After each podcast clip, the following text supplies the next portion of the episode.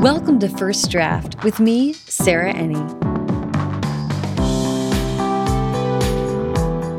This week I'm talking to Margot Wood, founder of Epic Reads and debut author of Fresh, out now. I loved talking to Margot. I always love talking to her. We actually spoke with Margot for one of the most interesting episodes of the Track Changes mini series, the episode about marketing. I love what Margot has to say in this episode about her unlikely path from being an ADHD and dyslexic non reader to becoming the founder of one of the most dynamic young adult reading communities in the world. How she plays with structure and format to more fully immerse readers into her characters' heads in this debut novel. And we dive really deep into her approach as a professional book marketer, first on the production side of publishing and now on the creative end as a debut author herself. She gives a ton of perspective and insight, some behind the scenes information, and a lot of advice for how authors can kind of position themselves. You do not want to miss this conversation. There's a ton of great stuff in here. If you'd like to support First Draft, a quick and easy way to do that is by subscribing to the podcast wherever you're listening now and by leaving a rating or review on Apple Podcasts. Ratings are great, but reviews get read at the end of the episode. So take a couple minutes, leave a review. It's really great. You can also go to the website, firstdraftpod.com, to check out the show notes for this episode and every episode for links to everything that the guest and I talk about. First Draft is an affiliate of bookshop.org, so when you buy books through the links on the website, it helps to support the show and independent bookstores at no additional cost to you. You can also sign up for the First Draft newsletter at firstdraftpod.com to make sure you never miss a new episode and to hear about news and upcoming events. I'm also so excited about the First Draft merch that is now available on the website go to firstdraftpod.com and click on store to see t shirts, sweatshirts, dad hats, stickers, notebooks, mugs, anything and everything. A ton of amazing stuff with logos and fun things on it. Every purchase helps to keep this show independent and free. Okay. Now, please sit back, relax, and enjoy my conversation with Margot Wood. Hi, Margot. How are you doing today? I'm good. How are you? I'm good. I'm so excited to chat with you. I'm sort of excited to chat with you again, and this time we get to talk about your debut novel, Fresh. Yeah, it's really fun and weird to be on your podcast now as an author because I've been on it, I guess, twice now as a marketing person. So. Yes. full circle. Yes, you have been on the show before, and I'm going to link to your episodes, particularly the episode of track changes where you broke it wide open and really helped people understand about marketing their book, which we're going to come back to because now you have a whole different perspective on it. I was uh, so salty that day. it was a very illuminating interview. I love it. Um, Okay, so I can't wait to talk about Fresh and all of these good things. But on First Draft, you know the game. I like to go back to the very beginning. So I'd love to hear about where you were born and raised. I was born and raised in Cincinnati, Ohio. but how was uh, reading and writing part of growing up for you? Ooh, um, non-existent. So I grew up in a sports household. Mm. Um, I was a sports kid. I played a lot I was on a lot of teams. I was doing golf, soccer, squash, horseback riding, basketball, among various other things that only lasted one season. So in my house, reading wasn't a pastime that anybody really did. And it was actually God, I hope my no my mom doesn't listen to this, but it was a form of punishment in my household. So like if we were bad or we were being grounded, you know, the line was always go to your room and read. It was mm. always a form of like a negative thing. So for me, I always associated reading with negativity. And also growing up, I'm ADHD and I was dyslexic growing up, which I've since been able to overcome, which has been great, but not so much the ADHD. But reading was really, really hard for me. I was not good at it. And the books that they have you read in middle school are just not fun for middle school readers. You know, we're reading yeah. Johnny Tremain when I wanted to be reading Calvin and Hobbes. And I really wish that I had spent more time developing my skills as a reader and becoming more confident as a reader before being thrown into the deep end with a bunch of these classics with old dialogue and styles that I wasn't used to. So for mm-hmm. me, I actually wasn't, I was really afraid of reading and kind of avoided it at all costs. Even in high school, I, my claim to fame was I never read a single book required in high school and I just spark notes to everything. uh, needless to say, I did not do very well in English. Um, it was one of my worst subjects. so I didn't really discover reading until I was 25. I was living in New York and I had just gotten a uh, studio apartment in the East Village. And I scheduled the internet guy to come put in internet in my apartment, but he was backed up and couldn't come for two weeks. And so for two weeks, I had no internet. And what did I end up doing? I ended up reading The Hunger Games, and that was it for me. That was when I discovered YA and realized I had been missing out on all this like amazing life changing experience of reading, you know, and so I just devoured absolutely everything I could possibly get my hands on and ended up making it my career very quickly, actually. that is amazing. Okay, there's a lot there that I want to get to. I do want to just like take a, a second because I really appreciate you speaking to having dyslexia and ADHD. And I actually know a lot of authors who have ADHD or and or dyslexia or both or and it's something I'm not familiar with. So I'm interested in how you have managed to become the avid reader that you are while having to manage those two things or like how did how did what are ways to manage it? I don't I'm just interested in your journey there. What's interesting is that I was probably one of the earlier class of people who got diagnosed with ADHD, especially for girls. Um, women are often very underdiagnosed. I was first diagnosed when I was 11 years old in sixth grade. And unfortunately, I have never once had a doctor or a psychiatrist walk me through the what actually being ADHD means because most of those people who are prescribing that aren't actually ADHD themselves. So they don't really know. They understand the symptoms, but they don't really know what that means in a larger context. So I grew up without any formal education on how to manage it. It was just here's a bunch of medication, take this and try really hard to focus, which was hard. So I've been medicated on Adderall since I was 11 years old, literally like every day of my life, to the point now where I actually do go through withdrawal symptoms if I go more than four days without it. It's bad. It's very, very bad. But that being said, that medication is a life changer for me. I would not be able to work in a professional environment without it. I would not be able to be in a relationship without it. And so for reading, there's this thing that some ADHD people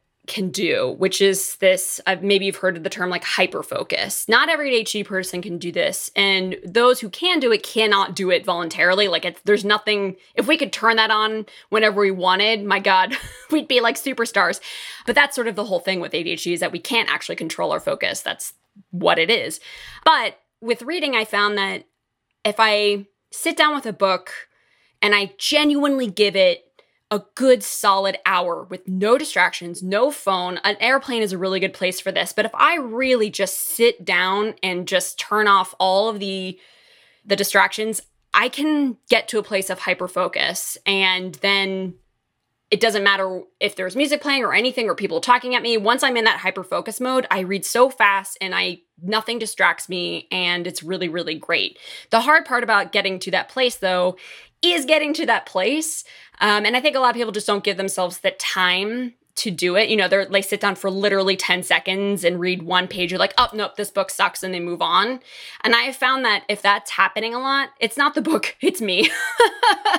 but yeah, as a reader, it's definitely I've learned how to become a better reader despite the ADHD. Being a writer, I mean, I've only written one book, so I don't know what I did works, but I just tried to break everything down into scenes. Um, I've never taken a writing class. I don't know how to write a novel formally. I just go off of what I've known from theater. And theater is broken, you know, a play is broken into scenes. acts and then scenes. And so every scene I just sit down. I don't even think of them as chapters because some of those scenes ended up becoming two chapters or many many scenes were in one chapter. But each little scene and if I think of it in that short, small chunks, it becomes much, much easier to handle because then I'm not thinking I need to write a whole novel. I'm thinking I need to write one scene. And once that's done, then it's the next scene. And then I don't even keep track of all everything that I've written until I feel like I've got enough. And then suddenly you have like 30,000 words. You've got half a novel. So that's pretty much what I did with Fresh. I'm sure that there are other methods, and I've been connecting with a lot of ADHD writers like Aminah Mae Safi. She's been giving me a lot of advice, which has been really helpful. So I've been trying to connect with people who are like me, who are a bit more experienced as being a, writer, to try to figure out the best way to write for me. Another thing is, I can't write every day. Uh, that's not really how my brain works. I can't do it in little chunks. It's like that hyper focus thing where I'm either all in or I'm not writing. That's how I wrote Fresh. I wrote Fresh evenings, weekends, every free waking moment. I was so immersed in that world for like four months when I was writing this book. And that was how I was able to do it. Just go all in super hard for a short period of time. So it wasn't necessarily healthy. It was extremely exhausting, but that seems to be the only way that I can work because that's just sort of how my brain works. Yeah, I actually can relate to that. Like sprint and rest sprint and rest. That is how i write as well. And, and like as you say sprint could be four months it could be six months it could be two weeks where you're by yourself in a mountain cave or something. But like really really really immersing. And then then you have to respect the rest part. Like that's an incredibly important part of the process. I want to jump to to working in publishing in a second, but I want to just take a moment to talk about college because that is obviously like such an important period of time that you're really like fleshing out and fresh. And you have this great story about your freshman year of college that is one of the formative like pillars of, of what ends up being your debut novel. So i'd love to just hear about what your experience was like at college and what yeah just what was that like My freshman year of college was a learning experience. There was so much I did wrong. And I th- think that almost every person I talk to says the same thing about their freshman year. A lot of people are like, oh, I should have done more, like gone more wild and things like that. And I, I feel like I was good academically and good socially, like a little bit, but there was just a lot that I really did wrong on like a relationship and friendship level that really kind of set me back. And, you know, I got into a relationship too early and then we broke up and then that kind of defined me. And then I fell into the wrong friend group. And so then I had to start all over with friends, but everybody had already paired up by then. So I had to start over. I got a new roommate second semester because my first semester roommate and I did not get along. So while my freshman year was super fun and I met amazing people, had a very sort of like typical freshman year, it was also really hard and it was really lonely. And I do think that's where I differ a lot from from Elliot. I, Elliot's experience, she, you know, I definitely dip into the lonelier parts, the harder parts with her, but she definitely has a lot more fun. You know, she clicks into a friend group right away, which I never had. Um, it took me a long time to find a good friend group. And so my freshman year was fun, but it wasn't like it wasn't Elliot's. There's definitely a common misconception with that because so much of it is based on my own experience, you know. And but it's also based on it's the majority of it's based on my mistakes that I made. and I'm turning those mistakes into comedy for this book which are funny and they're a lot of fun to write about. And now having, you know, my college years so far in the past behind me, I can look on those mistakes and be like, ha, that was so stupid and funny. But at the time, I remember being very sad and upset about a lot of the stupid mistakes that I made. Um, so I'm glad I made them because I wouldn't have this book without them, which is why I dedicated my book to my mistakes. you know, so I think that I'm glad that I went through what I went through. You know, I, I actually almost dropped out my freshman year. I've never talked about that, but I almost dropped out because I just didn't think I could handle it, you know, and my dad came up one weekend in March and he we went and got coffee and he was like you can walk away if you want to. He was like if you want to walk away you can do that, but you need to know that you know, it, it will be very hard to come back if you do walk away. And if you stick with it, you'll be a lot stronger for it. And so I ended up sticking it out. And I'm really glad I did. It, things got a lot better after that. But uh, there was a point where I did think about dropping out because I just didn't feel like I was doing anything right. Thank you for sharing that. And that's going to tie into when we when we are talking about fresh because you really did such a great job mining that time and the details in the book were so vivid. I was like, ah, remembering fresh my, my own freshman year so much. Um, but I want to ask about ending up working in publishing because mm-hmm. um, I don't know that that was your intended um, no. career field. no. God no. how how did that come about? I majored in marketing at Emerson. I Emerson students they declare a major when they apply. So almost all Emerson students come in first day freshman year knowing exactly what they want to do. I was marketing. I was a marketing major. I wanted to go into branding. That's what I thought I wanted to do. And after I graduated college, I got a job at a branding agency in Cincinnati, Ohio. And I was like, yeah, I'm doing it. I'm doing the branding. And then I was like, oh my God, this sucks. it's so boring. It's the worst. Um, eventually, I decided, screw it. I'm just going to move to New York. So I moved to New York during the last Great Recession with no job, no plan. Just went there with a suitcase. and I got this job off of Craigslist that was a digital marketing agency, a tech startup where I was their front end designer. So I was designing the front end of these communities, these virtual communities that they were building. They assigned me three communities to design, but also sort of community manage. And those communities were Naruto. Uh and Dragon Ball Z. Ah. That was like one community. Diptyque Paris, which is a luxury fragrance brand. Okay. Oh, it was actually four communities. Barefoot Wine. Oh, uh, okay. Yep, familiar. Mm-hmm. that Moscato. And and then the fourth community was this site called Random Buzzers, which was a young adult book community created by Random House, which was this community full of like probably about two to 300,000 young adult readers that were just so wholesome. they were so excited about reading and books and I and just like so positive and upbeat and energetic and silly and goofy and sweet and charming and I was just like who are these people um and that was at the same time that I got that studio apartment in the East Village so I that's everybody was talking about the Hunger Games on this community because they just cast Jennifer Lawrence, this unknown actress named Jennifer Lawrence, and they were all in a tizzy talking about it in the forums. And I was like, I should probably know what they're talking about in order to be a good community manager. And that's when I read the Hunger Games, and that's when I was like, oh shit. I love YA.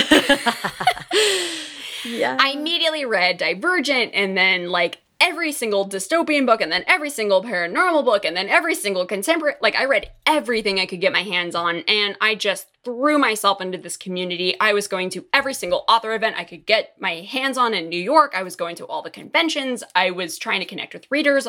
Like I just lived and breathed this community. And so I reached out to Random House and I was like, "Hey, you guys are outsourcing this community to this tech agency." I was like, why don't you just hire me internally? Because then I can actually work with you on strategy and branding. Here comes the brandy part.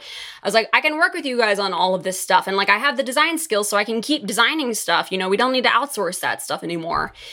And Random mm-hmm. House was like, nah, we're good. Um, they straight up just said no.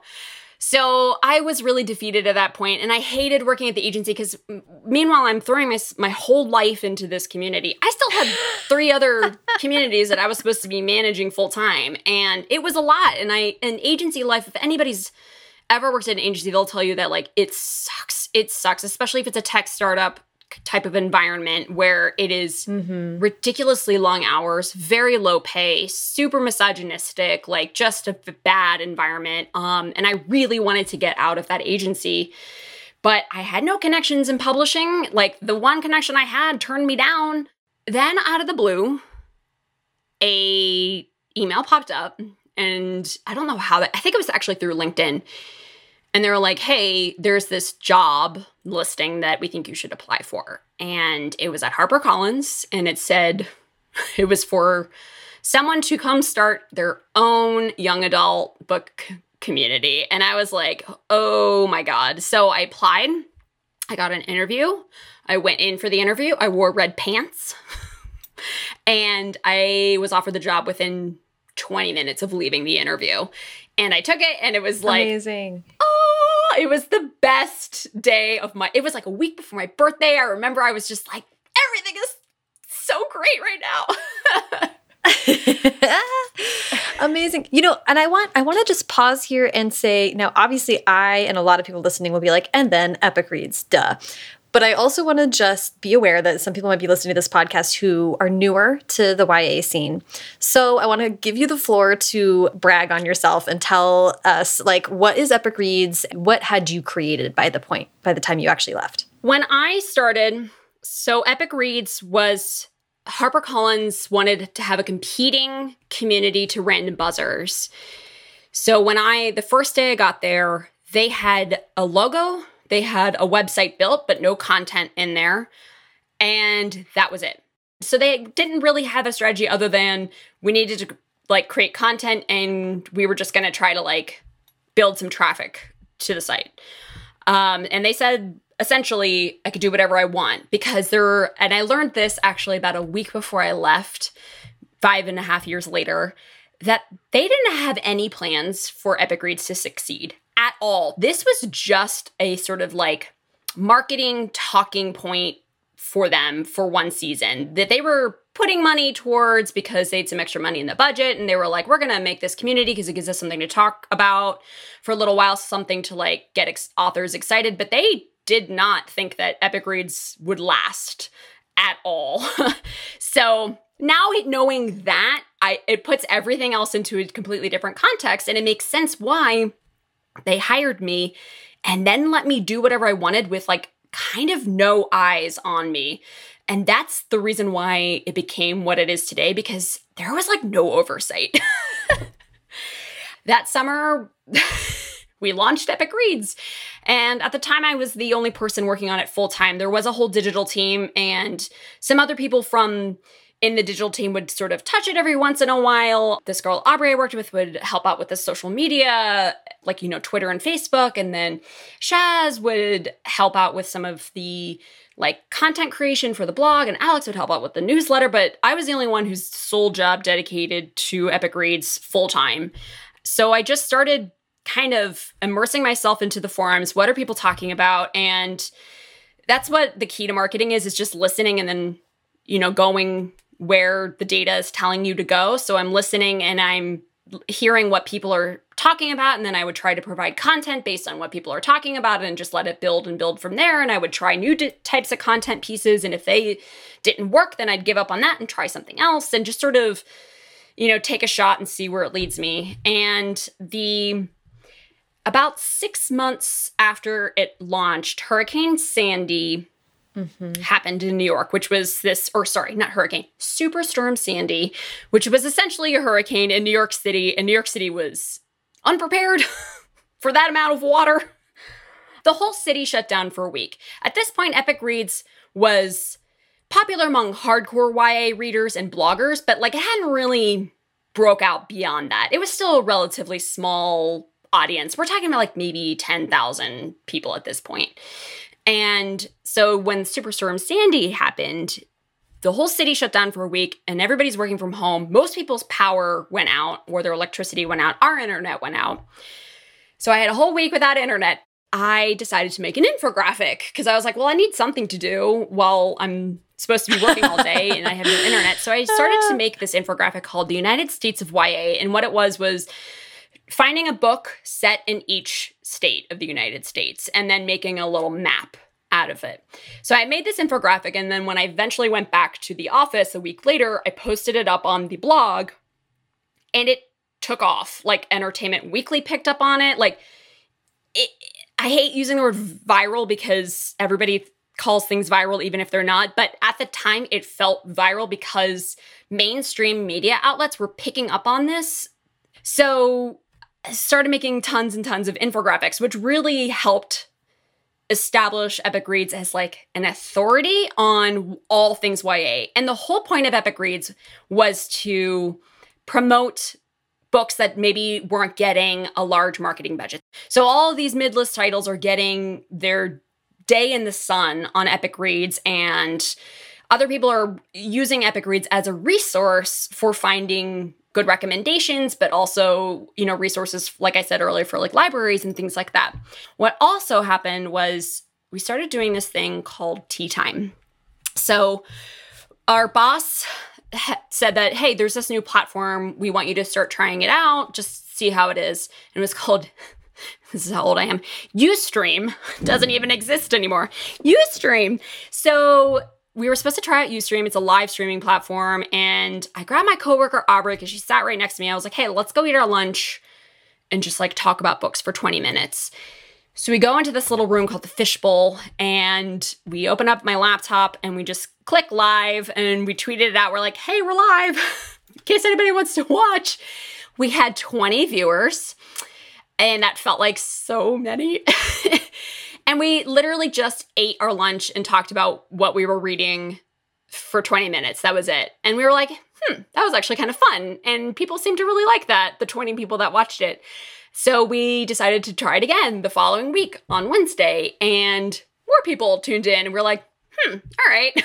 so then we kind of kept doing it, and it kept growing, and it kept growing, and it kept growing to the point where we were getting 2,000 live viewers at any one time, over like 900 comments, like just an insane amount for like you. This is like Ustream. This is like early days of live streaming suddenly all those viewers are now also checking out the site our site traffic goes up you know our social media platform starts to take off like our twitter followers take off everything starts like kind of coalescing because they finally have like a face to epic reads there's like a personality to it because before that my face was not associated i was not associated with epic reads at all and i didn't want to be because I think it should stand on its own. And it, if you rely on a personality, then if that personality leaves, then it's hard to keep that going. I didn't really want to become the face of it, but at the same time, the data, I couldn't ignore it because it was telling me that what we were doing was working and this v- live video thing was absolutely working. So we did this for about a year. Again, at Harper, still no one internally is paying attention at this point. so we were able to do some hilarious shit with some divergent cardboard cutouts. Um, oh, I recall those. Yeah, yes. the Theo James cardboard cutout. Woo! So uh, it got to a point where we were getting, you know, five, 6,000 v- live viewers, tons and tons of views afterwards. And all of a sudden, HarperCollins is owned by News Corp, which is owned by Rupert Murdoch, who owns like the Wall Street Journal and stuff like that. They break off News Corp used to be like Fox, like the movie studio Fox, as well as obviously Fox News, but the Fox side of the entertainment arm, and then all the publishing stuff. So Wall Street Journal, HarperCollins, The Sun, things like that. They decided to break those two companies up. And so now Fox and Fox News are its own separate entity, and the publishing side is its own entity. Then they realized that they didn't have a millennial audience on the publishing side because it's Wall Street Journal and HarperCollins. Like, there's nothing young and sexy about that. So they were kind of looking through what did they have within the Wall Street Journal and within HarperCollins that spoke to a millennial audience? And somebody at News Corp came across Epic Reads and came across our Tea Time stuff, and they wanted to go all in on Epic Reads. And that's when Harper, the suits at Harper started to pay attention. and that's when things started to change eh, for better and for worse we got a huge influx of funding. None of that went to us, by the way. It went to the operation. Um, so we got a huge flux, influx of cash to put towards video. With that, though, which was great because we could up our production value, we got cameras, we got training, we got hair and makeup and all this stuff. Um, we had a whole production crew, like literally a whole crew for some of these videos, which was so awesome. But the problem was is that when somebody gives you a bunch of money to do something, they kind of then also want to control it. Mm-hmm. And so they were coming in and sort of being like, everything needs to be scripted. It needs to be like this. It needs to have this sort of style. And it never really worked with what we were doing because our whole thing was like live and off the cuff and genuine and honest. The live stuff was just so different. You know, I love doing live stuff. But the scripted stuff, I was like, oh, I'm not an actor. mm-hmm, mm-hmm. This is this feels this feels odd. Um, and then my partner, who was doing all these videos with me, she left to go have a baby, which is great. But she left New York, and so then it was just me for a little while, and then it, all a lot of the pressure kind of start started to come just solely on to me, and again, it was like it was such a blast. And I will say this to the day I die, it was the best job I've ever had in my life. And at that point, it went from Epic Reads, when I got it, was zero followers, zero fans. Nobody knew about it. And at that point, then it became, it was 3 million people, um, half a million followers on Instagram, 100,000 subscribers on YouTube, like all up, it was 3 million followers. And I'm extremely, extremely proud of that. I poured everything I have into that site. I love everything about it. I loved working with the authors. I loved being able to work on books that didn't have marketing and see them grow and build solely through Epic Reads. I was extremely proud of what we were able to do with Simon versus a Homo sapiens agenda and so many other titles. And I made so many, many, many connections. And I'm extremely grateful for everything that Epic Reads brought me, um, especially the readers, always and forever the readers.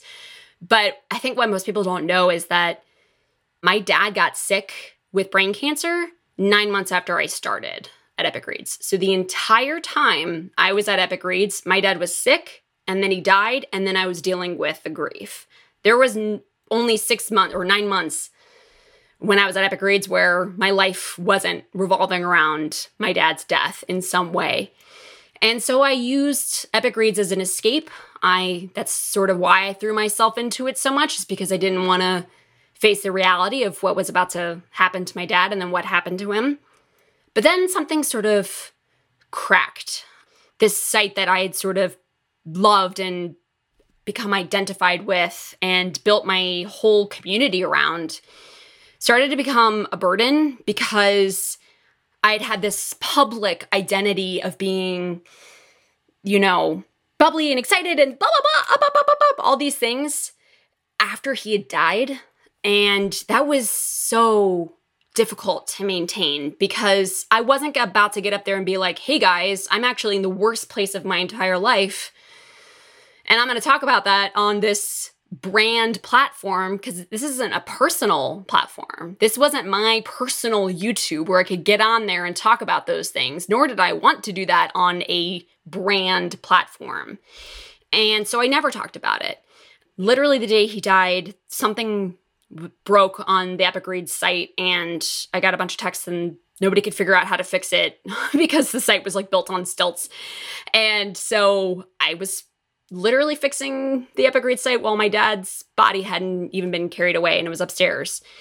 A month after he died, I was doing the Book Shimmy Awards video. And I remember that was sort of like filming that video kind of like something broke in me because I was trying so hard. And if you watch that video, like you don't really know that I'm, it was like the worst moment of my life. But after I filmed that video, I just like sat on the floor and just like sobbed because I was like, I felt so exhausted and dead inside. But I felt like I owed so much to this community because I loved them. I love everyone in that community so much. And I felt like I had to keep going for them. And I didn't want to let anybody down. I didn't want to let the authors down. I didn't want to let Harper Collins down. I didn't want to let anybody down. My own reputation down as being a really excellent community manager. So I put on a brave face and I kind of limped along for about another two years or year and a half really and until eventually I just couldn't I couldn't keep up with the responsibility of the site anymore. I didn't have the energy for it because I was just dealing with I wasn't dealing with my grief. The grief was turning into PTSD, which was affecting my sleep, and I didn't know what to do. I didn't know if it was a job change. I didn't know if leaving Epic Reads would help, but I had to do something. I had to make a change because I was kind of losing my mind. so I left in 2017. I took a job outside of publishing because I thought that that would help. no. that did not help.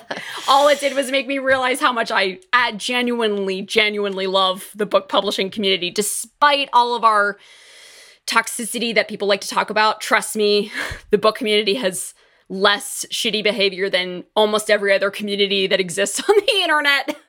The job that I left Epic Reads for only lasted me about six months, and then I just left New York because I was like, nothing's working. I don't know what I'm doing. So I left New York and I didn't have a job for about a month. And then I got an offer back in publishing in comic books this time. And it was in Portland, Oregon. And I was like, you know what? Screw it. It felt like when I moved to New York for the first time when I was like, I don't know what I'm doing.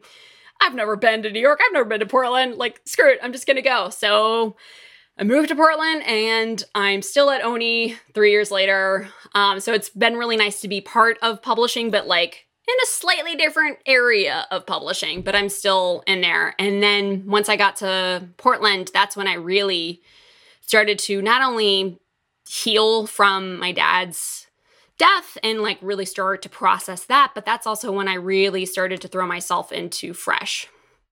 I mean, first of all, thank you for talking about that. It's I didn't cry. You and I, I'm so proud. I was so great. close. I was so close. you and I share this experience as we've talked about before. So I, of course, understand exactly what you're talking about before and after, orienting yourself. I do want to just touch on something you sort of waving the flag, even at the very beginning, saying, like, this entire brand shouldn't be built on one face because then if anything needs to happen for that, that person and that actual individual to do something else for any reason, it will be a huge hindrance to the brand. There's two thoughts that are combining in my head. So I just want to say that I think when I've been thinking about this conversation about authors being on social media, how much do we really need to be there? How much good is it actually doing to be there versus toll it's taking on our mental health? And is it actually resulting in sales, et cetera, et cetera? That whole conversation that's going on right now is very important one aspect of it that I think we aren't talking about enough is that things like Epic Reads were so great for that reason. It takes the pressure off of an individual author because the publisher, this huge company owned by an international media conglomerate that has the money to very low cost videos, things like that, is just gave a platform for books that otherwise didn't have kind of a voice in the world and a much bigger reach than an individual author on their own, especially a debut author. And then also, the same reason that it was a hindrance for you to be the only thing forward facing for epic reads is exactly the same thing being replicated with authors having to be their own single advocate on social media if you if it's anyway like authors need time authors have things happen in their life they have to step away from the internet or constantly marketing themselves and without anything backing them up and having any kind of marketing to fall back on, it's you're just left with nothing. I don't know. That these are the thoughts that came to mind when you were talking about it. I don't know if you have any thoughts on that. Yeah, Epic Reads really was supposed to be that vehicle for it was still super super early days of of social media and so like social media marketing wasn't really a thing. It was still sort of social at that point, not the marketing side. So it made sense for every publisher to have their own version of Epic Reads. And at one point, I think they all did. Like, and it made sense. I understand. I get why Epic Reads authors loved it at first. You know, like I, I get it because it was our job to do the heavy lifting for them. They were just supposed to show up for the guest spot or come on to tea time or whatever. And now that I'm an author, I get why that's so important because it is very, very different if an author gets up on a platform and says, hey guys, read my book, it's really good, your reaction to that is probably like, well, you wrote it, so of course you're going to say that. B, you're just trying to sell me something and that feels weird. And also, C, like, why are you being so cocky? I right. know that we all are saying, like, oh, we shouldn't be afraid to self promote, but that's all in our heads when we do self promote every single time. It's just being like, oh, God I'm just talking about myself. I'm being selfish and I'm being cocky, overly cocky, all this stuff. But there's a big difference between authors going up on a platform and saying, read my book, it's really awesome, versus somebody else getting on a platform, a reader getting on a platform and saying, read that book, it's awesome. You're going to believe the reader over the author every single time. Why? Because it's word of mouth. When an author does it, it's promoting, it's marketing. When a reader does it, it's word of mouth. And word of mouth is the most valuable marketing asset of any kind of book promotion ever. And it's the one thing you can't control. But we were trying to control it through Epic Reads. We were trying to sort of replicate that in an, in an authentic way. So that's why we were talking about books that weren't also HarperCollins books. We wanted to be able to talk about the books that everybody was talking about and bring to light just YA fiction in total, because it's the rising tides lift all boats mentality. And so, as a vehicle for that, it makes absolute sense as to why people sort of globbed onto Epic Reads in the way that they did, um, and why it really did help and serve authors.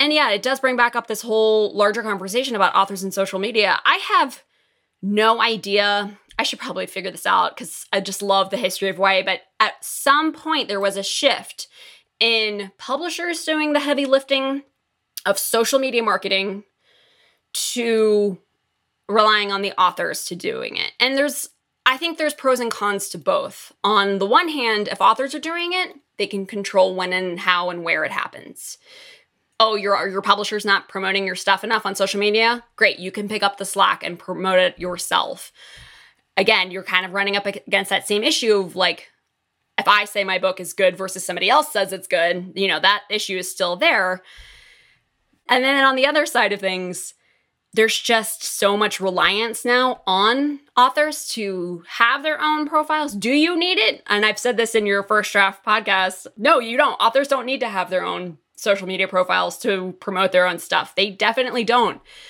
But do they feel like and have that sort of pressure to do it? Uh yeah, big time. and every time there's a new platform, there's this big pressure to be like, oh crap, TikTok's working. Now I need to go be an author on TikTok because I've seen those 10 people it's worked for. I need to go and dedicate all of my time to this. And I talk to some authors still, like I will consult with friends and things like that on social media, and I tell them all the exact same thing, which is listen to the data, track how long you were spending on social media. Literally use a tracker on your app, on, a, on your phone, or just write it down, but take one week and track a regular week. Take one week and track how much time you are spending on social media to promote your book. Now, weigh that against how many units you actually sold. Is the amount of time that you spent on that on social media worth the amount of units that you have sold? right. Do some math. Yeah. But guess what? You can't even do the math because authors don't have access to their sales data. Right. Yeah. Well, and the sales data that everyone has access to is only 80% accurate, right? Correct. Bookscan is not. Correct. Which is why I've consulted with some authors. And so I'll, you know, I've got a friend who, an author friend who really went hard on TikTok last year and she grew her account. It's over 80,000 subscribers. Like it blew up really fast. She got a couple of viral hits. Everybody was sort of talking about her book and she was getting really excited about it. And I was like, hey, do you mind if I compare this, like your TikTok growth with the growth of your, the sales of your books through Bookscan? And she's like, yeah, let's do it. So we coordinated when each of her viral hits happened with Bookscan data, and we could see the rise and the fall based on the TikTok stuff. And while we have heard of these stories of, you know, TikTok bringing these older titles, you know, giving them a new life and they're selling hundreds of thousands of copies through TikTok, that's almost entirely based on just readers talking about it. It's not the authors doing it. Granted, there are still lots of authors out there who are seeing a lot of success with their sales through TikTok. But so with just this one case, so this is just one case study and does not reflect, you know, overall. Um, just want to put that out there. This is not this is not like a quantitative data. This is qualitative. So what it showed when I was tracking her sales versus her hits on you know, uh, TikTok, when she had her biggest viral hit, which was the week after Christmas, she sold about 12 more books. And the amount of time she was spending on TikTok to sell 12 more books, I mean, if she was having fun on TikTok, if you like being on there, then I say if it's giving you more than just selling books, trying to sell books, then keep doing it. But if you're a person who is like burdened, feels burdened by the social media and feel like you have to do it, I'm t- here to tell you that you don't actually have to do it if you don't want to. I have to remind everybody that you're a content creator, but your content is books. Your content is not social media. Do you want to be a social media star or do you want to be an author? Because you can be both, maybe, but that's like hitting a lottery. So, and usually those authors who are extremely, extremely popular on social media are authors who already sold really well, who are already on the New York Times bestseller list. So, if I were you, I'd say just focus on if social media is not the thing that you are excited about, if it's giving you anxiety, don't worry about it. Your readers will find the book, or maybe they won't. But the point is that you should be spending your time writing. That is gold advice. I really appreciate it. But let's get into fresh. So, I want to hear about this process of like moving to Portland, brand new job, then starting a book. I mean, what was that moment like? What did you start working on? How had you had ideas for a long time? What was this, you know, take me to this time of your life? So, actually, I first had the idea for Fresh in 2014. Oh, so, wow. peak Epic Reads time had found this letter that I'd written to my younger sister when I was a freshman after I just finished my freshman year. I wrote this letter to my younger sister that was like, here's a list of every single mistake that I made last year. Please don't make these mistakes.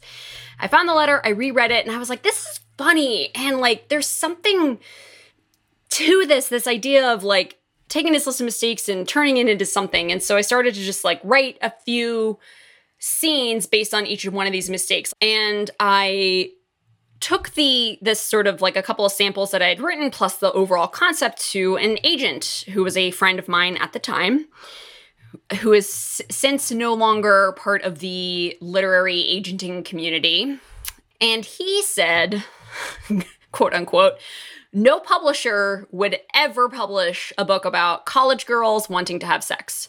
Uh-huh. Full stop. That was his response. And so I was like, at the time, this is, I never should have listened to him. I was such a fool for listening to him. But I was like, you know what? He's probably right. Because I trusted him at the time, you know, because he was the, the biggest name, biggest agent at the time. so I shelved it and didn't look at it again until I left Epic Reads, left New York, and was living in Portland. I just moved to Portland and I had my job at Oni and Oni is distributed by Simon and Schuster. So every once in a while I go back to New York to go present, do sales conference and I present our upcoming titles. Cuz now I'm on the sales side, which is fun. My very first sales conference with Oni, I was flying back and I had just finished the book that I was reading and stupidly forgot to bring a second book. So I just pulled up my phone and was like going through random documents that I had on my phone on Google Drive. and I found some of those like scenes that I had written three years, four years prior. And I sat and ended up reading all of them on the plane, forgot where I was, forgot who I, I like disassociated, and just forgot that I even wrote what I was reading. And I read it like a reader, like it was just somebody else had written it. And I was laughing to myself. And I was like, at the end of it, I was like, I wrote this. I don't remember writing this. This is actually pretty funny and good. So then I, you know, I sent what I had, I cleaned it up, and I sent what I had to my agent. I had an agent at this point. Jo Volpe, who is amazing. And she was like, let's meet up for lunch. So I went back to New York and we met up for lunch. And she was like, yes. And I was like, really? But that one agent years ago said no. And she was like, yes, just, yes, just go with it, go write it, come back to me when you have a whole thing. And I was like, okay. So I started to write more. And then at one point, I got totally stuck. I ran out of random scenes. At this point, I still have I'm not a plot person. I don't know how to write a novel. Like, again, never took writing ever. I'm a marketing major. I like got C's in high school English. I'm not a, a writer. I still have an uncomfortable time calling myself a writer because I'm like, I wrote one thing. Does that actually make me a writer? Um, yes, but I understand what you're saying. and I had just all of these funny scenes, and I had absolutely no connective tissue. I had the setting, Emerson College. I had the themes that I knew I wanted to explore sexuality, screwing up, making mistakes, blah, blah, blah, freshman year. I had my cast of characters Elliot, her roommate, her friends, her love interests. But I had nothing else. I was like, what's the actual story? Because otherwise, this is just like a bunch of funny short stories, you know? There's no story here. And so that derailed me for like six months, six, seven, eight, nine, maybe even a year. I don't even remember at this point. but it completely derailed me. And so what I did was I put on my marketing brain and I was like, step outside my own shoes. I've had to do this a lot now since I'm an author. Step out of my own shoes and be like, hey, if I'm talking to this author and they come to me and they're like, I don't know what to do. I want to write this original story that's new and different and fresh what would I tell them to do? And the first thing that my, came to my head was, why are you trying to reinvent the wheel? You've worked on how many books that are retellings? Like literally so many books are retellings. Why are you trying to re- reinvent the wheel? Clearly you're not a plot writer, so you're never going to be able to come up with a plot. That's great. So why not build on the foundation of a classic? I didn't know what classic to read, so I started to go back and just reread a bunch of retellings that I have loved working on over the years, but also just the classics themselves, like which ones do I like. And so I stopped writing completely. I set it aside. I was like, screw it. I'm just to read. Just to read and get some inspiration, to see what other people are doing, that kind of a thing. I read like so many retellings. And then I read, or reread, I guess, for the umpteenth time, Emma by Jane Austen. And at that point, the new Emma movie with like Anya Taylor Joy had just come out. So I rewatched, I reread the book, or watched that. I went back and watched the old BBC version. Um, and then I watched Clueless. I watched and read all of the Emma stuff.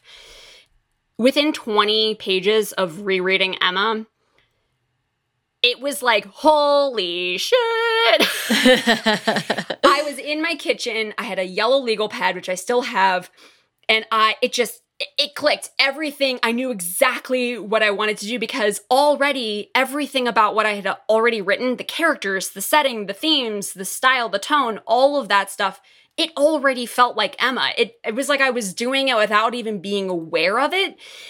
So within 20 pages of rereading i put the book down and i started scribbling furiously scribbling down the plot for this book. I took a photo of myself in that moment because i was like it was like one of those crystallizing moments where you're just like, holy shit, as a writer, I know what I'm doing. I know where to go. I have the path is clear. It has been paved for me.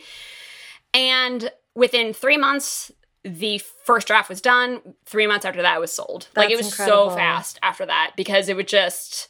And I almost everything that I had originally written is still in the book. I had to like work it in somehow, but it all made it in there, which is so fun. That's incredible. and I'm so glad you took a picture of yourself in that moment because those moments are so rare. But I think those are the moments where you feel most like a writer. You just are like, oh, my yes. brain has been doing this. And it just took a while for it to be conscious. But now that it's here, we are we're flying. Like we're ready to go. But let's talk about um the fact that it is raunch com. So it is very like it really is about Elliot, this young woman going to college and discovering so much about her identity, but it is a lot through the lens of her sexual explorations in college. And I want to ask first about um, knowing that Elliot is so I, Elliot is bisexual, and it's a huge part of the book because it is expressed through her connections and her relationships with people, but it is not a huge part of the book in any kind of coming out way, any kind of shaming way, any there she has a wonderful community of people who all understand where she's coming from and respect it. So I just want to hear about deciding to write a bisexual character and presenting her um, sexuality in this way. Yeah, so what I really wanted to write when I knew I mean, before the Emma stuff, before anything, I knew I really wanted to write a story about seconds. So, a lot of YA books are set in high school and they're about it's coming of age. So, you are doing things for the first time. And so, I really wanted to explore the idea of what happens if you've already come out? What happens if you've already had sex and you've already kind of figured out who you are and what your identity is, like what your personality is like, you know, your whole vibe, I guess you could say. What then? What comes after that? And then also what comes after that when you are put into an unfamiliar setting? Because what's mm-hmm. unique about your freshman year of college is that you've just come off of your senior year when you are confident, you just got out of that hellhole, things are good, and then suddenly you're in a new place, you have to start all over again. But at least this time, you've you have some things done you know maybe maybe not you know not every character in the book has done all the things that elliot has done by the time she gets to her freshman year but i really wanted to explore like that concept of mm-hmm. especially from uh, mm-hmm. the lens of sexuality and having sex. So Elliot, by this point in the story, she has come out. Um, I never even talk about her coming out. She never even says the word coming out. It's never mm-hmm. mentioned at all. She just is out. Mm-hmm. She never even says out. in fact, she never even calls herself bisexual. She says, if you must label me, my sexuality is horny. um, and I really wanted to explore just the relationship between intimacy and sex. And I think it's also important to read about girls and women trying to find what good sex is because I don't think that's really talked about in YA enough. It's a lot of like, oh, losing your virginity and then like being with your one true love or whatever. And I'm like, well, what if you lost your virginity to like some douche, you know? And like it didn't mean anything. Um, can you still have that like sweet moment? I guess with Elliot, I never there was never like a conscious choice to be like, I'm choosing to make her bisexual. She just is. Because I am. And that's always been a part of my life and it just feels very natural to me. When I was in college, being at Emerson, it was super liberating because like so many people were gay or queer or were coming out or questioning. Like it was a very safe space. Uh, so for me, that's all I really know. and also, I wanted this book to be like happy and fizzy and bubbly and sh- like champagne and just upbeat and super energetic and I wanted to explore queer joy without having to be having it be about being queer. Like the book isn't about her being queer. The book is about her you know, trying to figure out what she likes in the bedroom. That has nothing really to do with mm-hmm, her queer mm-hmm. identity. Like it could be with anybody or whoever, however many people, like she doesn't know. She's trying to figure it out, but she knows that she likes all genders.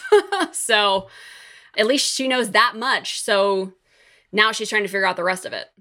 It struck me that you really embarked on this quest to talk about things that are not going to feel accurate to every reader.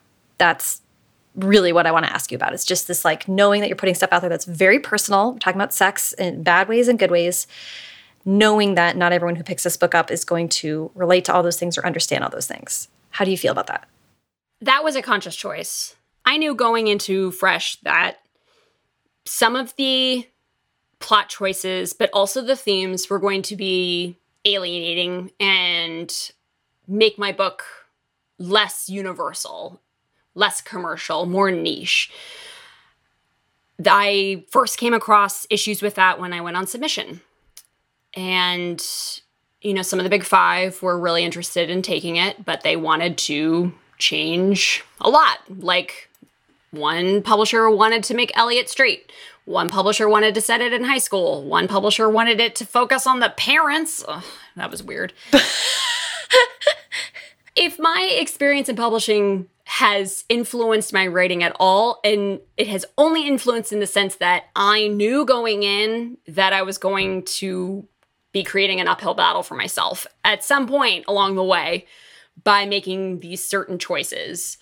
And that didn't scare me because I felt like if anybody could try to do if, if publishing is going to open the doors to anybody maybe they'll open it for me because of the epic reads thing. You know maybe the epic reads thing can help me open the door. And if fresh can get through then maybe i can keep it open for others to follow i knew that if i was going to talk about things like sexual identity like you know sexuality not even sexual identity and the sexual assault scene i knew that the only way to sort of help readers who maybe don't identify with Elliot or her story or her journey to help readers get through those scenes that might maybe make them uncomfortable is comedy.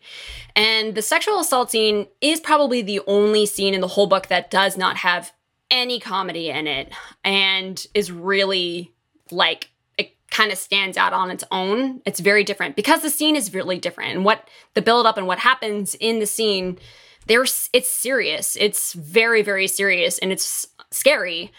But I didn't want the sexual assault or any of the other more summer things to weigh down the book. I was so worried about putting these things into my book and having them just overtake the comedy and the lightness and the fizziness and the point of the story.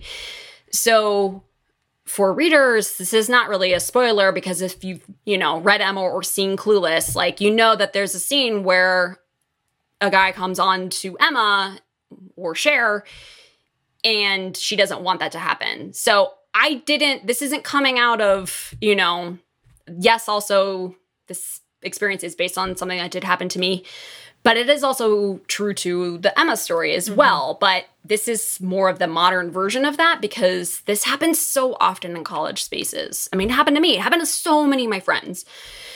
So, in order for me to bring the lightness back into the novel, I had to make Elliot choose not to report the assault. Mm-hmm. And that is a big choice. And there's a whole footnote.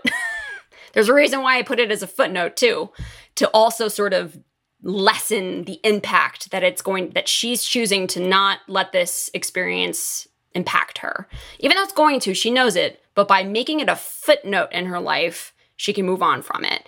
Because if she reports a sexual assault or an attempted sexual assault on a college campus, that has to be a Title IX report. And with that comes so much shit her entire life would be turned upside down. It would define her. She would spend the rest of her college experience being the girl that got sexually assaulted at a party and then like raised hell about it. And while I do think for every single person that this happens to, they absolutely should decide whether or not reporting is the right choice for them. And if it is the right choice, good, do it. I think you should. But if it's not the right choice, I don't think you should be shamed for that either. And I really wanted, I didn't want it to become this thing in the book. I didn't want to like take a stance on all of this. I wanted it to feel honest and feel like how any one of us who've experienced this thing, our own thought process that goes through it, whether or not we chose to report it or not. We sat there and we were like, well, what do I do now? So for Elliot, that was the choice that made the most sense for her, for who she was and what happened, and also to not derail the story. My editor really helped me like slowly, but like in a moderate pace, but like slowly get Elliot back to her old self with now a new whole new perspective on things, you know, because obviously experiences like that are going to change you. Whether or not you want it to, it's going to change you. So it does like content warnings I'm very grateful for them, but it's also one of those things where like I, am so worried that people are going to see like sexual assault with my book and be like, "Oh no, this is like a serious book," and and I'm like, "No, it's literally just like one scene." Right, right. Well, and I mean, like, I really appreciate what you're saying because I think it's important as well to say like, as an author, you are writing this book and you know what you want to talk about and you know what the story is about and my as a reader, I was like, this book is about someone, about, as you said, intimacy versus sexuality and understanding for every person where that balances or what how they feel comfortable with becoming vulnerable enough to be intimate with someone.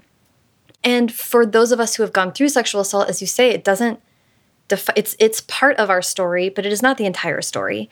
And there needs to be space for books to be that as well and to have the breadth of human experience. Elliot has that experience. She shares that experience with unfortunately, you know, so many other freshmen in college. And then how she incorporates it in her life, deals with it, processes it, shares it with people, doesn't, is part of how she moves forward. And that's mm-hmm. that's something that I think needs to be seen in a book and discussed in a book. And then you move on to exploring all these other thoughts and ideas that you're interested in exploring in story. So I think it's really important. Not every book needs to turn into an issue book. I think that's what you're saying is by incorporating something that is traumatic. It's so easy as an author to be like, okay, actually now that's going to spin out and it's going to consume this whole book and now it's 400 words about, the 400 pages about this. And that we need those books, but we also need books where it becomes an contained experience that someone incorporates into their life and move on because we as authors want need to be able to write about what we need to write about.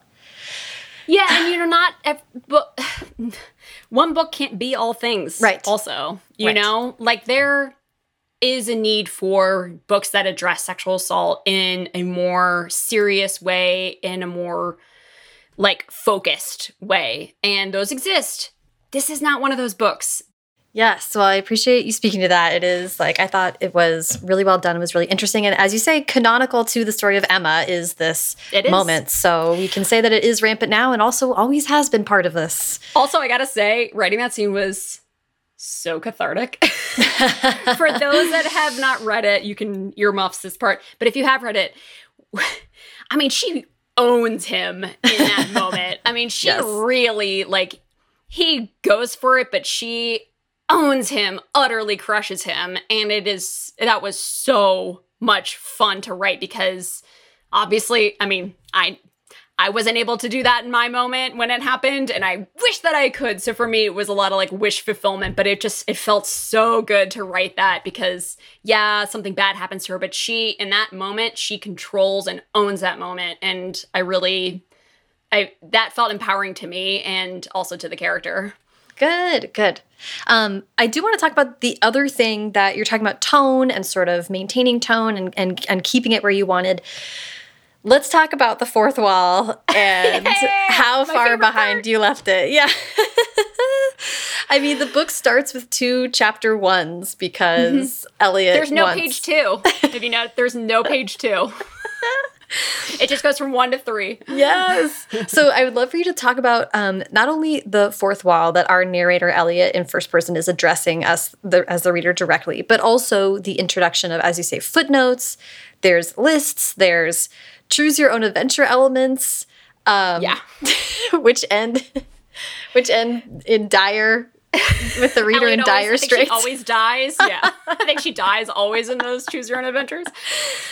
Yeah. So I remember when I was said earlier about how I was thinking about how if I was ever going to publish my own book, that I wanted it to be different. I wanted to be just just try new things, just try something a little different. So, what was in the back of my head from the very beginning, because I was writing this book from first person, such close first person, She's addressing the reader like from the very beginning, it was like that.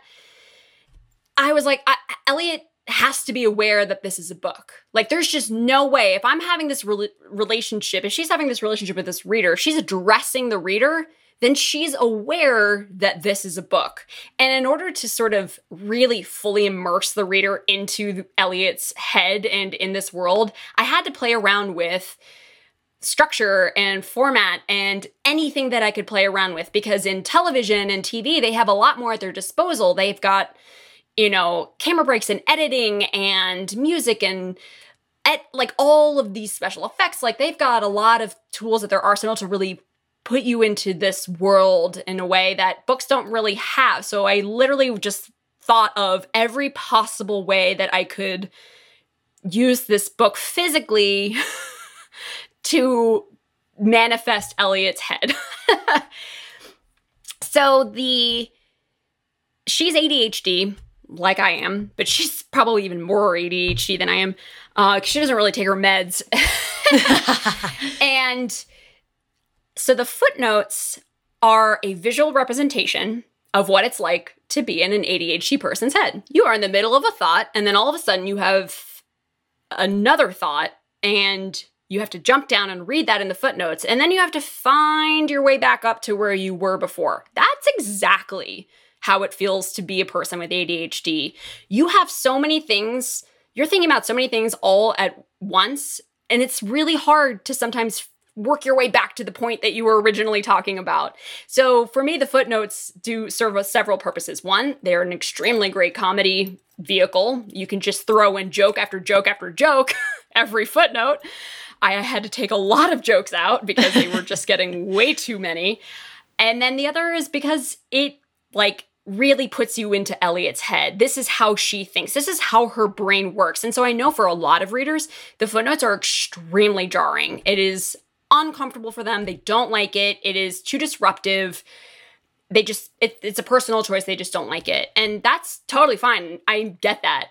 But for other readers, especially ones who are ADHD, some have reached out to me and they're like, this is the first time I've seen myself on the page like truly accurately represented in a positive way. And i'm like yay that that's so great that people are seeing that. And they don't even they don't even notice the disruption that the footnotes are. They see it as like adding all the comedy and all that stuff. Yeah i want so i want to to start to wrap up by asking about your experience being on the author side of things and then we'll wrap up finally with advice. But was there anything else about fresh itself that you wanted to make sure we got to or talked about? Honestly i hope just readers walk away having fun with this book. The whole point of it is to I grew up not a great reader. I just wanted to find books that were fun and easy to get into that I could lose myself in, I could finish in one sitting, something that just completely distracts me from whatever else is going on in my life. and this book is that. That's what I hope it that's what I want it to be. It's not you know, like we were saying earlier, it's not a super serious book. It is fun and silly. I keep calling it the White Claw of publishing. Like it is fun, and I want people to have fun reading it because I had a lot of fun writing it. Amazing. The White Claw of Publishing is mm-hmm. absolutely going to be the episode title um, of this podcast. So good. yeah. Well done. Okay, you've been so generous in sharing your perspective as someone that came up in the marketing side of publishing, specifically in YA publishing. I think all that information is going to be incredibly interesting to listeners. But I do want to hear about, given that you were someone who worked for many years on the production side of publishing, now you're coming in as a new author. What has been surprising to you about this this oh side of oh things? God, everything. oh, I have a newfound respect. I now understand what authors don't know better. There is a gap in knowledge between what publishers know and what authors know. Is that on the responsibility of the publishers to educate the authors? I don't know. There's probably a much larger discussion to be had about that. Do I think that there all of this information is available, especially like in podcasts like First Draft and track you changes, know, yeah, the- your track changes and all that stuff. Yeah, all of this information is out there. This is not secret information. It is available. You just have to go looking for it. So it isn't as accessible as like say your publisher just being like, here's everything you need to know. But on the other hand, publishers can't also really just say here's everything that happens because each one of those things also comes with a giant list of context and why this matters and how that one bullet affects all these other different things. So, publisher marketing teams are extremely understaffed and they don't necessarily have the time to do that level of education for their debut authors because they have 9 million other books that they have to work on as well. Do I think that maybe potentially in the future publishers should consider having an author education like arm of their company whose job is solely to provide the, these resources and materials to authors 1000% but currently those things don't really exist although i have heard rumblings of those things opening up.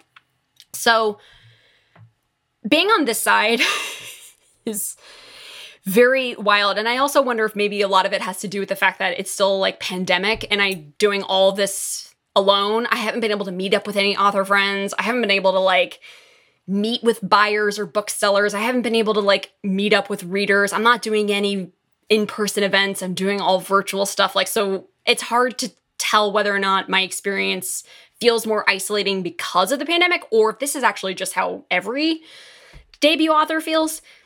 But there is a lot of like either th- everything's happening or you have these periods of like nothing's happening.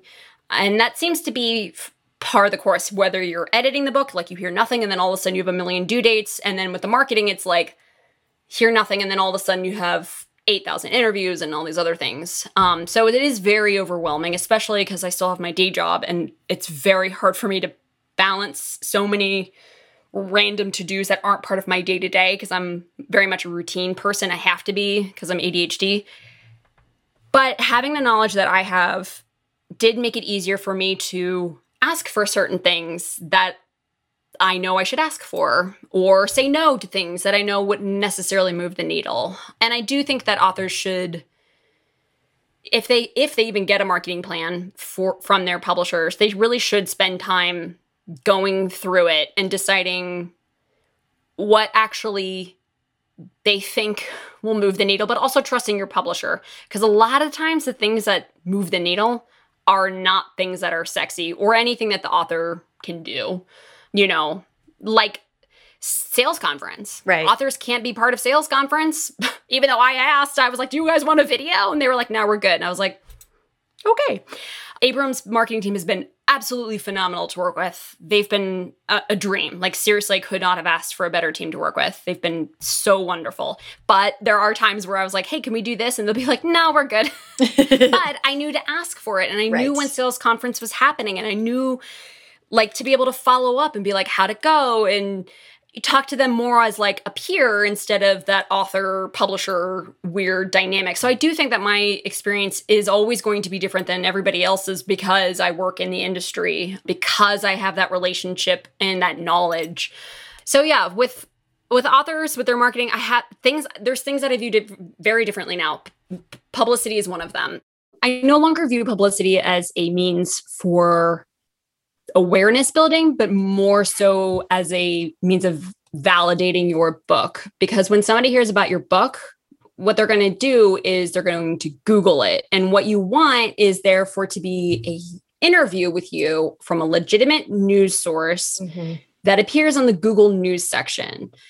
Because that then validates your book. Your book is legit now. Your book mm-hmm. is like, oh, oh, there's a publisher's weekly interview, or actually for me, it was the Emerson college newspaper, which is syndicated. So it shows up as the Berkeley Beacon mm-hmm. in Google News. But when you Google my name, now that's like one of the top search results, but it's a really good, it's an in depth interview. So having that one interview makes it feel like to a lot of readers much more legit. So I don't know that you need a shit ton of press. Honestly, I really don't think you do. I think you just need one good interview. Um, and then if you can get on a bunch of those lists, that's great. But like, I don't know that my book is going to sell a lot of copies off of being in a list of 90 books on BuzzFeed. Like, it's great. Right. I'm so honored and right. thrilled that they were able to include fresh because you know i get to now add that on my website mm-hmm. under press hits and it's really awesome but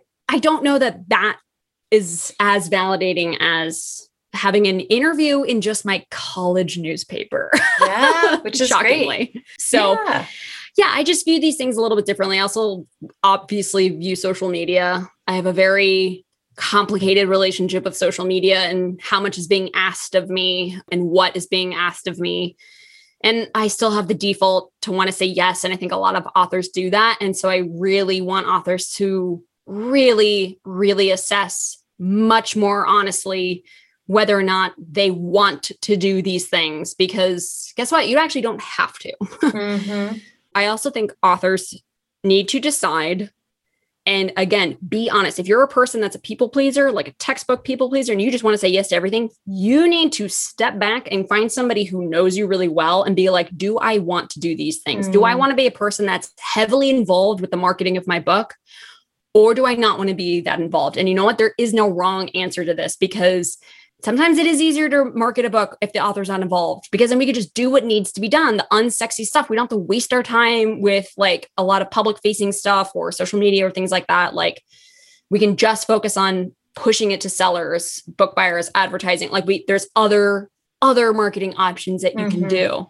But if you're a person that wants to be heavily involved in the marketing, then you need to decide what aspects and how can you be helpful to the marketing team because that's how I've been viewing it this whole time. And that's why I think my relationship with them has been really, really great, is because I'm thinking, I know that they're understaffed. So, mm-hmm. what can I do to f- sort of fill in the gaps for them? How can I make their jobs easier? Okay, maybe they don't have access to filming equipment. They, mm-hmm. you know, they're all working from home, or maybe they just don't have ex- the 10 years of experience I have with filming video. I'm like, great, I'll make those make those videos. Like, mm-hmm. can you guys send out arcs? you know, right. like there is like a shared responsibility here. It's still overwhelming. And I think authors just need to be honest with their publishers and treat them like they're they're your partner. They mm-hmm. are your teammate. They are working towards the same goal that you are. They are not your enemy. They are not secretly plotting against you. Secretly plotting against you. Like if you're feeling overwhelmed, tell them. Mm-hmm. They will mm-hmm. scale it back or they will find ways to keep doing what they're doing without asking, putting the burden on you. Like talk to your marketing team. Now, if you're one of those authors who doesn't even have access to your marketing team, then you got to talk to your agent, you know, and you mm-hmm. got to I, we could make an entire episode just about that, but I so but from the perspective of somebody who has access to the marketing team, has seen the plan, that's all the advice I can offer you is to decide how you can be what what role do you want to play? What what team member are you going to be? Are you going to be offense? Are you going to be defense? You can be mm. side wing you're on my sports metaphors but but you do. Everybody has their role to play. If you want to be part of the marketing again i say this if you do not want to be part of the marketing, like if that overwhelms you, you're probably going to get in their way if you try to be involved with it. So if, if marketing makes you overwhelmed, then don't be involved mm-hmm. and decide the one thing that you want to actually see from your publisher that would make you happy. Is mm-hmm. it social media? Or is it one interview? Or is it one video?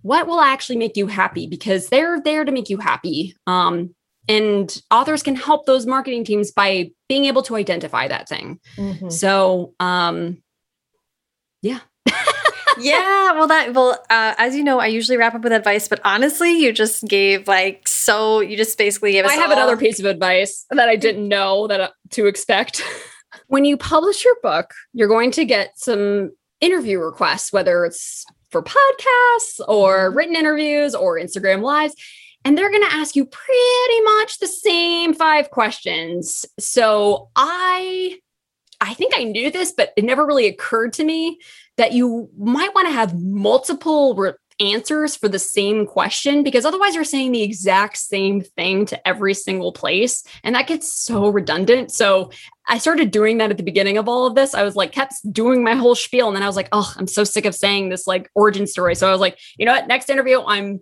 going to talk about something else that I haven't talked about that I've wanted to talk about with this book, but in the framework. So I'm still answering their questions. So be prepared to be like, answer the five questions. It's like, where'd you get the inspiration? What was your favorite part?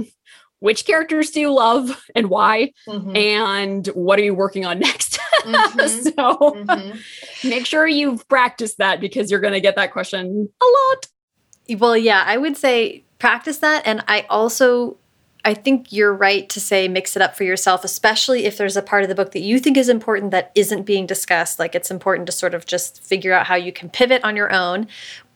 I know it's tempting to be like, oh, the you are the only person hearing yourself say this that many times.